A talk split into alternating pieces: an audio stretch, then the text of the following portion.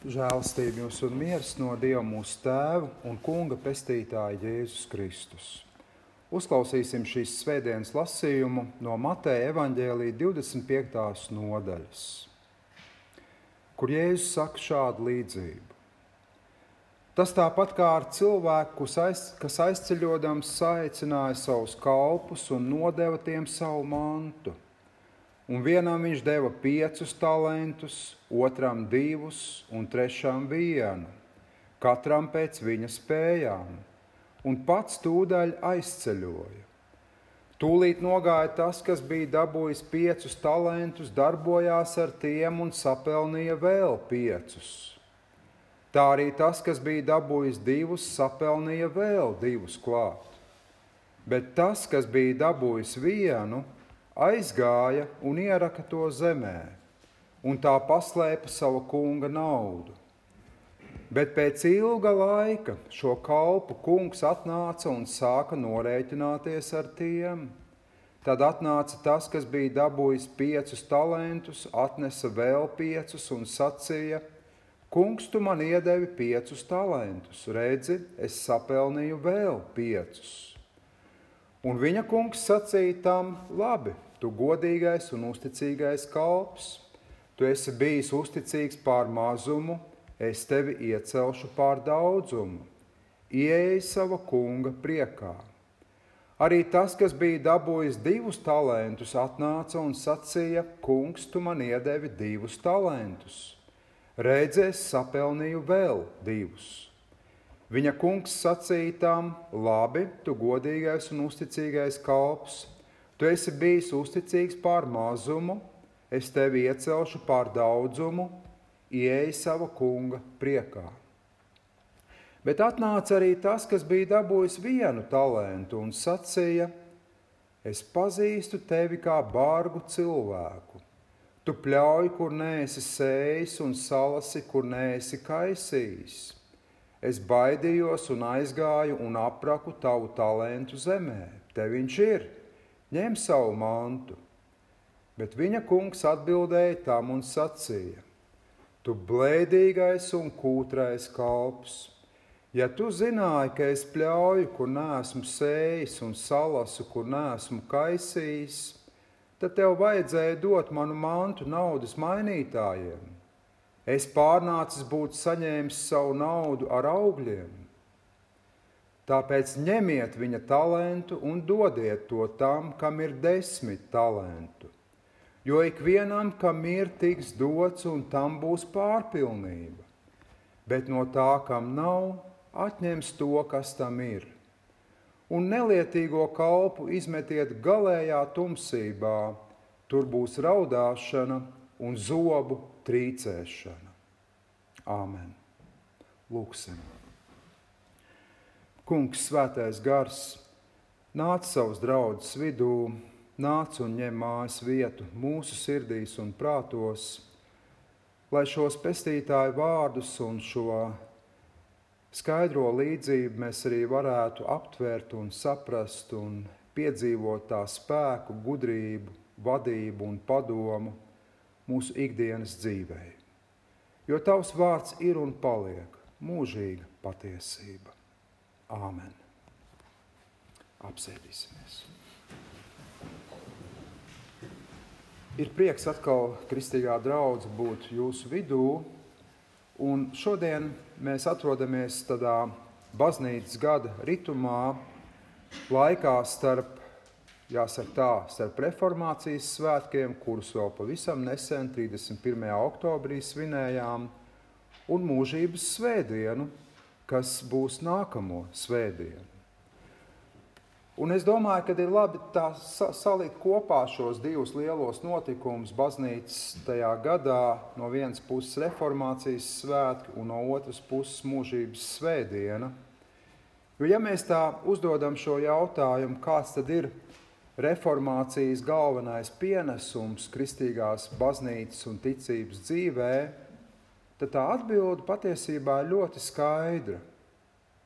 Jautājums ir par to, kā es varu iemantot mūžīgo dzīvību Dieva valstībā. Kā es varu pastāvēt, nu jāsaka tā, briesmīgās dieva tiesas dienā. Kā es varu pastāvēt? Tajā dienā, par kuru Cefāņa, kā mēs to dzirdējām, izsakās šādi: Klau, tā kunga diena, pat drošsirdīgākie karavīri kliedz izmisumā. Jo šī diena ir niknuma diena, tā ir skumju un bailu diena, negaisa un vētras diena, tumsas un nakts melnuma diena, mākoņu un miglas diena. Jūs jūtat, ja, kā pravietis Cefāni izsakās par šo dieva tiesas dienu. Un kā es, nožēlojams grēcinieks, varu pastāvēt šajā dieva tiesas dienā? Protams, ņemsim vērā to, ka cilvēki vienmēr ir smējušies par šo dievu tiesas dienu jau kopš ādām laikiem un ir mēģinājuši pret to izturēties vienaldzīgi vai to ignorējuši, ai, kādas muļķības, un kur tad vispār, ja, ja nu tāds dievs vispār ir, kur tad viņš liksies, gan jau viņš mūs tāpat pieņems, bla, bla, bla, bla. Nav tā.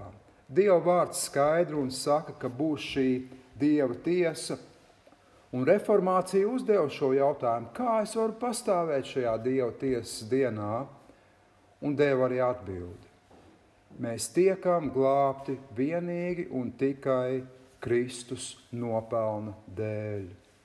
Un nevis mūsu paveikto darbu dēļ. Tas vienmēr jāuzsver. Mēs tiekam glābti vienīgi un tikai Dieva žēlastības un labvēlības dēļ, un nevis mūsu nopelnu dēļ. Un vienīgais veids, kā cilvēks var nomirt svētīgi, un par to arī noteikti tiks vairāk domāts nākamajā svētdienā. Vienīgais veids, kā nomirt svētīgi, ir nevis vienkārši maksimāli ilgi nodzīvot, bet ir ticēt un paļauties uz Kristus nopelnu līdz pēdējai nāves stundai. Ticot un paļaujoties uz vienīgi uz Dieva žēlastību un nevis uz saviem darbiem un nopelniem. Tā ir tā reformācijas centrālā vēsts. Taču jau uzreiz Lutera dzīves laikā un līdz pat šai dienai Luterāņus vaino par to, ka tie noliedzot labos darbus un atmet ar roku labajiem darbiem. Nu, ja jau glābi un pestī tikai ticība Kristum, tikai ticība Kristus labajam darbam, tad nu, varētu izsecināt to, ka nu, tad gulēsim, pīpēsim zālīti, izbaudīsim dzīvi, neko nedarīsim šajā pasaulē. Kā tad īsti ir ar mums, Lutāņiem? Kā tad īsti ir? Un, protams, ka tā atbilde jau nav viennozīmīga. Jāsaka, tā ir visādi. Vēl nesen lasīju viena tāda pazīstama Mārtiņa Lutera biogrāfijas pētnieka Mārtiņa Brehta grāmatu par Lutera dzīvi. Un tur var interesantas lietas izlasīt, proti par to, ka Luters īpaši savos, savas dzīves pēdējos piecos, desmit gados bija ļoti vīlies reformācijā. Viņš bija vīlies draudzes locekļos Varētu pat runāt par tādu noteiktu krīzi Lutera dzīvē, viņa vecumdienās. Nolasīšu citātu, kur Mārtiņš Brehts saka tā par Luteru. Laiku pa laikam vecā sludinātāja izteikumos jaušama bezcerība. 1537. gadā, tad, tad apmēram deviņi gadi pirms Lutera nāves, Luters savu sprediķi par Mateja evaņģēliju sāka ar vārdiem. Šo evaņģēliju esmu jums sludinājis jau gandrīz 25 gadus, taču kā mēs labojamies, to arī paši redzam. Jo vecāki kļūstam, jo skopāki, jo ilgāk dzīvojam, jo ļaunāki esam. Un tālāk Brehts turpina, Līdzīgā veidā viņš nedaudz vēlāk iesāka savu sprediķi par žēlsirdīgo samarieti. Kur viņš draudzēji sacīja, šo evaņģēliju mēs sludinām ik gadu, jo topam ar katru gadu vēsāki. Tātad tas, ko šis biogrāfs apraksta par Lutheru, ir tas, ka Luters piedzīvo tādu savā ziņā lielu vilšanos un bezcerību draudzes locekļos.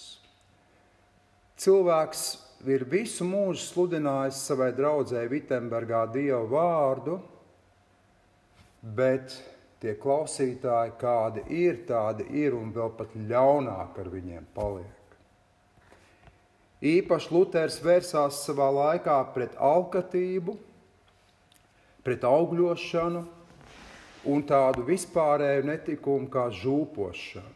Tā bija tik izplatīta lieta visos līmeņos, arī draudzēs, ar draugu locekļiem, kungiem, kalpiem, pie visiem. Protams, tad būtu interesants tāds jautājums, vai Luters apmeklējot, pieceļoties augšā no kapa un apmeklējot mūsdienu luterāņu draugus, piemēram, Latvijā, iepazīstot tuvāk cilvēku ikdienu, kā viņi ikdienā dzīvo. Nevis kā viņi ir uzsvečinājušies, atnākot uz dievkalpojumu, bet kā viņi ikdienā dzīvo. Vai Luters nenonāktu pie līdzīgiem bēdīgiem secinājumiem? Alkatība, mantkārība, strīdi, kašķi, aprunāšanas, dzeršana, laulības pārkāpšana.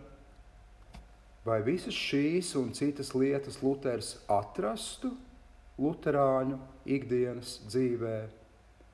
Un varbūt tie, kas ņirgājas un smējās par Lutāņiem, ka tie noliedzot labos darbus, varbūt viņiem ir taisnība. Lai vai cik Luters nebija vīlies draudzes locekļos, tomēr līdz pat nāves stundai viņš palika uzticams evaņģēliem. Viņš joprojām sludināja un pats bija simtprocentīgi pārliecināts, ka tikai ticība Kristum glābi, un šo vēsti viņš arī nesa pie saviem draugu locekļiem. Un kur ir šāda ticība, tur noteikti, obligāti sekos labie darbi, noteikti. Bet, ja labie darbi neseko, tad Luters teiktu, nav arī patiesas ticības. Tad ir tikai ārēja, formāla piederība draudzēji, tad ir tikai kaut kāda izlikšanās, kaut kāda savu labumu meklēšana, tad ir kaut kāda nelietība, tad nav nekādu augļu ir tikai tāda ļoti ārēja un formāla piederība kristīgai draudzē. Un tieši par to, manuprāt, runā Jēzus sacītā līdzība, kuru mēs šodien klausījāmies, par kungu, kurš atstāja savu mantu trīs kalpiem. Aplūkosim tuvāk un ciešāk šo līdzību lai labāk mēs tā ieraudzītu šīs attiecības starp ticību Kristum un tai sekojošajiem labajiem darbiem. Tā, šī līdzība, manuprāt, ļoti labi pasaka to, kāda ir vispār mūsu tāda visas dzīves, tas galvenais konteksts, jeb tā, jeb tā galvenā vadlīnija, pēc kuras mēs vadāmies visā savā dzīvē, visā savā ikdienā. Proti, mēs kā kristieši visu dzīvi, visas dzīves garumā gaidām uz Kristus otrreizējo atnākšanu. Un kamēr mēs gaidām, mēs uzticīgi lietojam mums dotos talantus. Mēs uzticīgi un atbildīgi lietojam mums uzticētās dāvanas, laikā starp Kristus debes braukšanu un viņa otro atnākšanu. Tātad, no vienas puses mēs gaidām uz Kristus atnākšanu, jo Viņš ir mūsu vienīgā cerība un glābiņš. Viņš ir labais gans, Viņš ir augšām celšanās un dzīvība. Viņš ir dzīvības maize. Viņš ir sagatavojis mums mūžīgos mājokļus Dieva valstībā un tikai vienīgi uz viņu mēs ticam un paļaujamies. Viņš ir mūsu lielā cerība. Taču no otras puses, uz doto brīdi, kamēr viņš vēl at nav atnācis, viņš mūs ir atstājis, viņš ir sēdies pie tēva labās rokas, jeb kā šis līdzībā pieminētais kungs ir aizceļojis prom. Un pirms tam viņš saicina savus kalpus, lai nodotu tiem savu mantu. Un vienam viņš deva piecus talantus, otram divus un trešam vienu, katram pēc viņa spējām, un pats tūdaļ aizceļoja. Mēs redzam to, ka šis kungs, viņš uzticas saviem kalpiem. Viņš zina un paļaujas uz to, ka kalpi aizstāvēs viņa intereses. Kalpu intereses ir kunga intereses, un kunga intereses ir kalpu intereses. Bet vienmēr tad ir, un šī līdzība to tā īpaši izceļ, bet vai visi kalpi attaisnos šo uzticēšanos? Nu, līdzīgi, protams, ir ar mums, un tas ir tas, ko šī līdzība grib pateikt. Katram no mums Dievs ir piešķīris dažādus talantus, spējas, piemēram, dažādas prāta spējas un ķermeņa spējas. Katram ļoti atšķirīgas.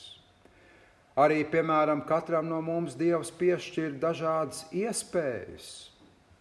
Ja mēs vēl tā pastamies tā globāli, nu ir liela starpība, vai tu piedzimsti, piemēram, Ņujorkā vai Londonā, vai arī tu piedzimsti kaut kur tur, Indijā, pašos dienvidos, kādā mazā ciematā, kādā no viszemākajām kastām. Tur momentāli radikāli atšķirās tās iespējas, kādas ir cilvēkam gan izglītībā, gan stāvoklis sabiedrībā, gan ietekme. Un katram no mums Dievs piešķir ļoti dažādas iespējas un talantus, jo Dievs mums uzticas.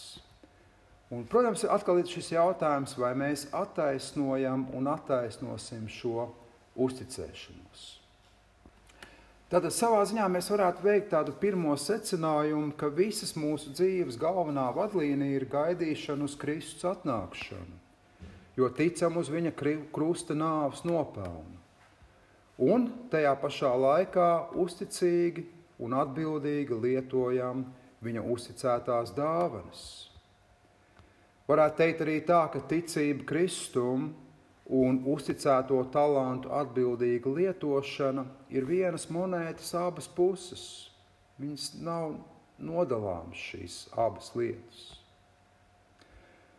Otrā lieta, kas man likās tāda savā ziņā tāda provokatīva lieta, tāda varbūt pat mūsdienu cilvēkam kaitinoša lieta, īpaši, kas ir vairāk tā kreisi noskaņota politikā un liberāli noskaņota ikdienā, proti, Mēs esam ļoti dažādi. Pasaulē valda nevienlīdzība. Patiešām valda nevienlīdzība. Un tas, ko es gribētu apgalvot, balstoties šajā līdzībā, ka šīs nevienlīdzības galvenais autors ir Dievs. Viņš to tā ir iekārtojis. Un tajā es domāju, ka mēģināsim saskatīt tajā tādu arī lielu gudrību, neizmērojamu lielu gudrību. Un palūkosimies kaut vai uz dažiem piemēriem no ikdienas. Proti, piemēram, joprojām notiek visādas diskusijas par to, kā skolas klasēs uzlabot darbu ar skolēniem. Un iedomājieties situāciju, kad klasē taču ir dažādi šie bērni, vai ne? ar ļoti dažādām prāta spējām, vai ne? Nav visi vienādi, nav visi vienlīdzīgi. Ļoti atšķirīgas prāta spējas, ļoti. Vēl joprojām es atceros, ka es mācījos pirmajā gimnājā, man tur švaki gāja, bet tad, kad es pārgāju uz septīto vidusskolu Rīgā, tad es vienkārši tur žāvājos matemātikas stundu laikā. Kamēr visi tur stundu rēķināja kontrolu darbu, es jau desmit minūtēs biju atrisinājis uzdevumus un vēl pārējiem palīdzēju atrisināt. Pasniedzējiem ir jāmāk dot uzdevumus katram bērnam atbilstoši viņa spējām. Un ja viņš pasniedzējs dod vienam gudram skolniekam tādus pašus uzdevumus kā netik gudram skolniekam, tad viņš pieļauj lielu kļūdu savā pedagoģiskajā darbā. Ja arī iedomāsimies kaut kādu citu piemēru, kur kāds cilvēks iedod desmit tūkstošus eiro vienam muļķim, ko viņš izdarīs ar šo naudu? Nu, pff, varianti dažādi.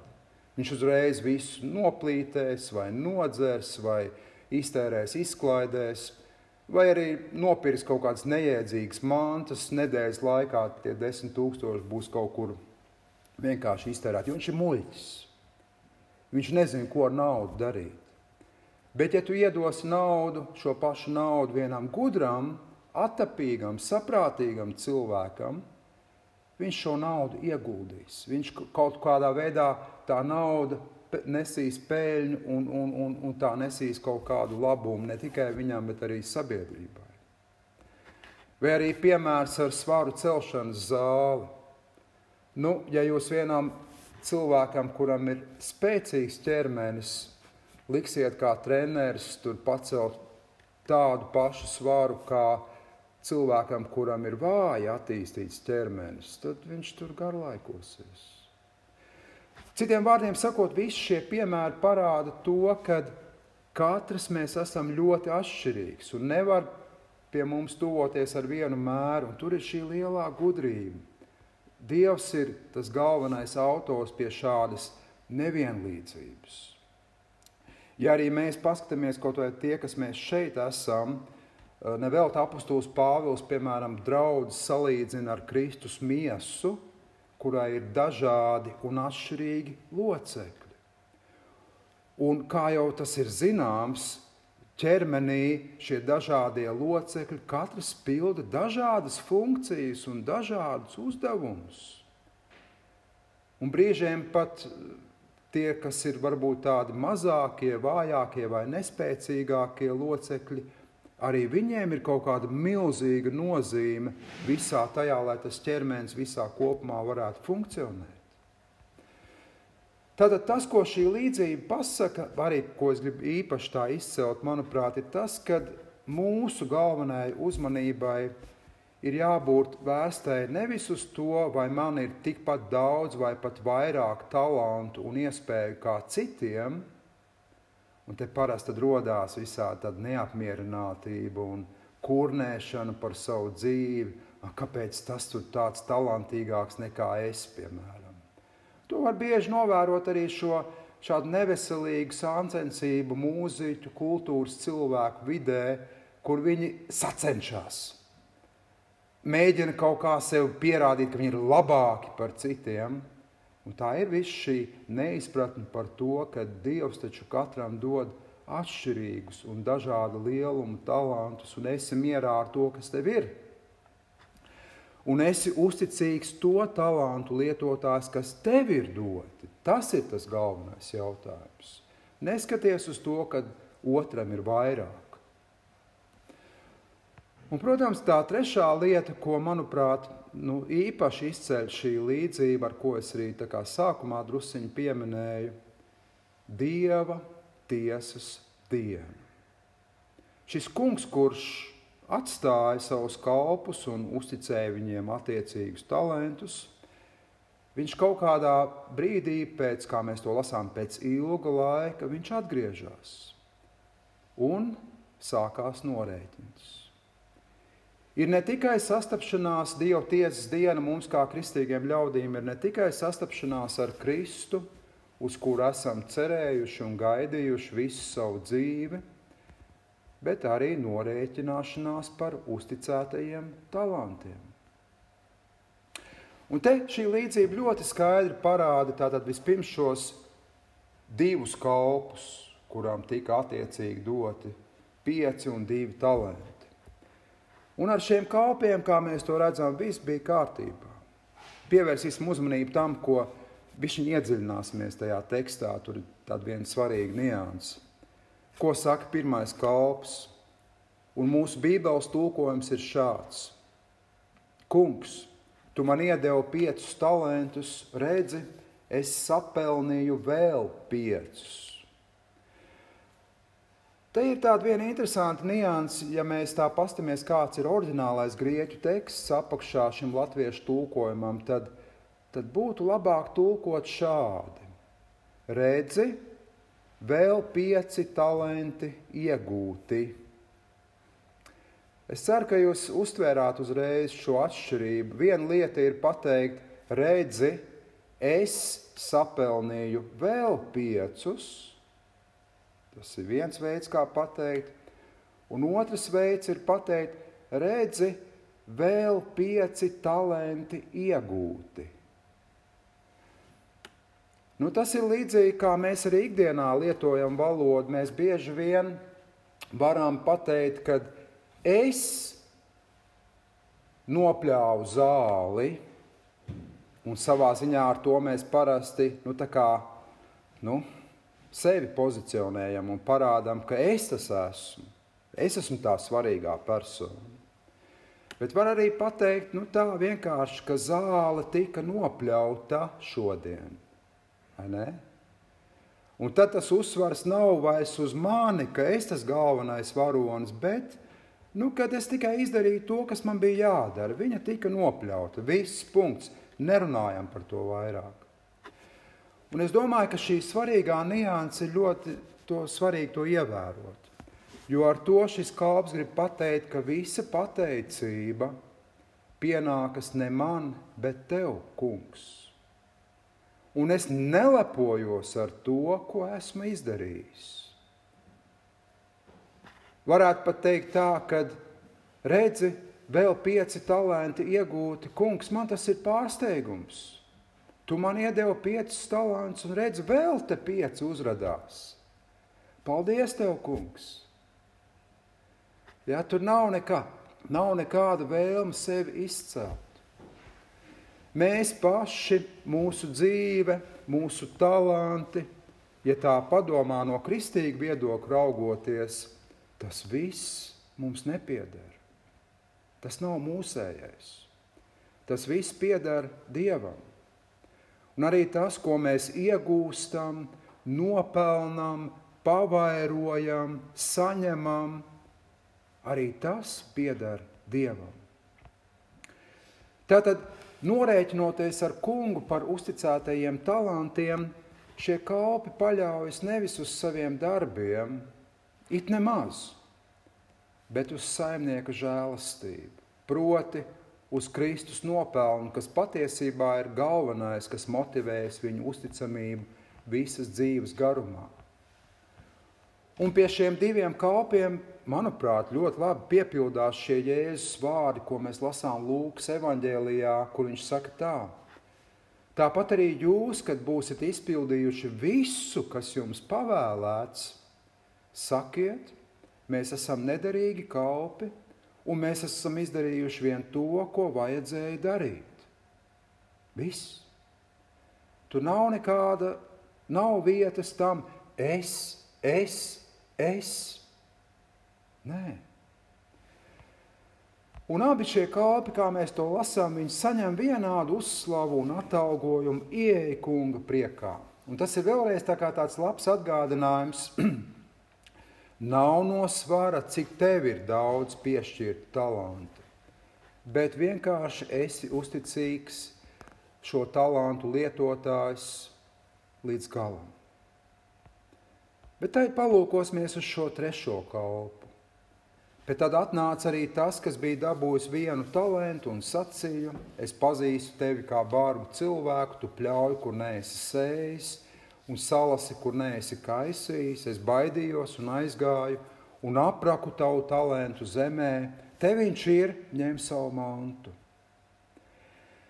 Šis kalps Kaut arī ārēji dzīvoja savu kunga namā un baudīja visus tā labumus. Viņš, ievērosim, viņš iesāk ar meliem. Viņš iesāk ar meliem par to, kāds ir kungs. Ka šis kungs ir bargs cilvēks, un ka viņš ir netaisnīgs cilvēks, ka viņš ņem tur, kur viņš nav sējis, viņš paņem to, ko viņš nav pļāvis. Viņš melo, šis kalps atklāti melo pie tām sava kunga priekšā, kurš pret viņu ir izturējies tik labi, ļāvis viņam dzīvot viņa namā un uzticējis viņam mantu. Tā var izturēties tikai nelietis. Cilvēks, kuram daudz tiek dots, bet kurš ir pavisam nelietīgs un neliederīgs. Viņš ir nelietis un nemaz nedomāja par talantu pavairošanu, tieši otrādi noraka to zemē. Un tā ir tāda tipiska cilvēka problēma, ko, manuprāt, atspoguļo šis kalps.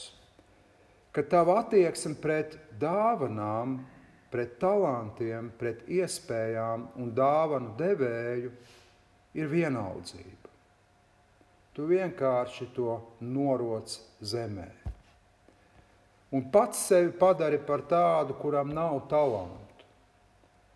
Nu, esat taču dzirdējuši visas šīs frāzes, ko tad es? Es jau neko, es jau nekas, kas tad man? Vai tad es kaut ko varu izmainīt, vai tad es kaut kam esmu noderīgs? Lieciet man mieru, arī draudzē, nu ko tad es? Vai tad es varu kaut ko? Vai neesat kaut kur dzirdējuši šādus aizbildinājumus, varbūt arī savā dzīvē? Un noslēgumā gribu pievērst uzmanību tam, ka kungs atgriezās mājās pēc ilga laika. Pēc ilga laika lai neusticīgajiem tiktu dots pietiekams laiks, lai tie nožēlotu savu bezdarbību un vienaldzību un sāktu beidzot nest augļus. Tomēr pat pēc ilga laika viens izrādījās mēlis, neusticams un nekam nederīgs kalps. Tāpēc arī attiecīgi saņēma sodu izmešanu galējā tumsībā, kur būs raudāšana un zobu trīcēšana. Kurš bija tas kalps? Varbūt es, varbūt tu. Taču kungs atgriezās mājās pēc ilga laika, lai pārbaudītu arī uzticīgos kalpus, vai tie būs uzticīgi līdz galam. Un jā, Viņi bija uzticīgi. Visu savu dzīvi tie paļāvās uz Kristus nopelnu, uzticīgi lietoja viņiem dotos talantus un stājoties kunga priekšā, visu godu, slavu un pateicību atdeva viņam. Šie abi kalpi saņēma uzslavu un atalgojumu, kā mēs to lasījām, labi ieeja tā kunga priekā. Tas, pēc kā viņi visu savu dzīvi ir ilgojušies un uz ko ir cerējuši, beidzot ir piepildījies. Beidzot ir Dieva valstība atnākusi.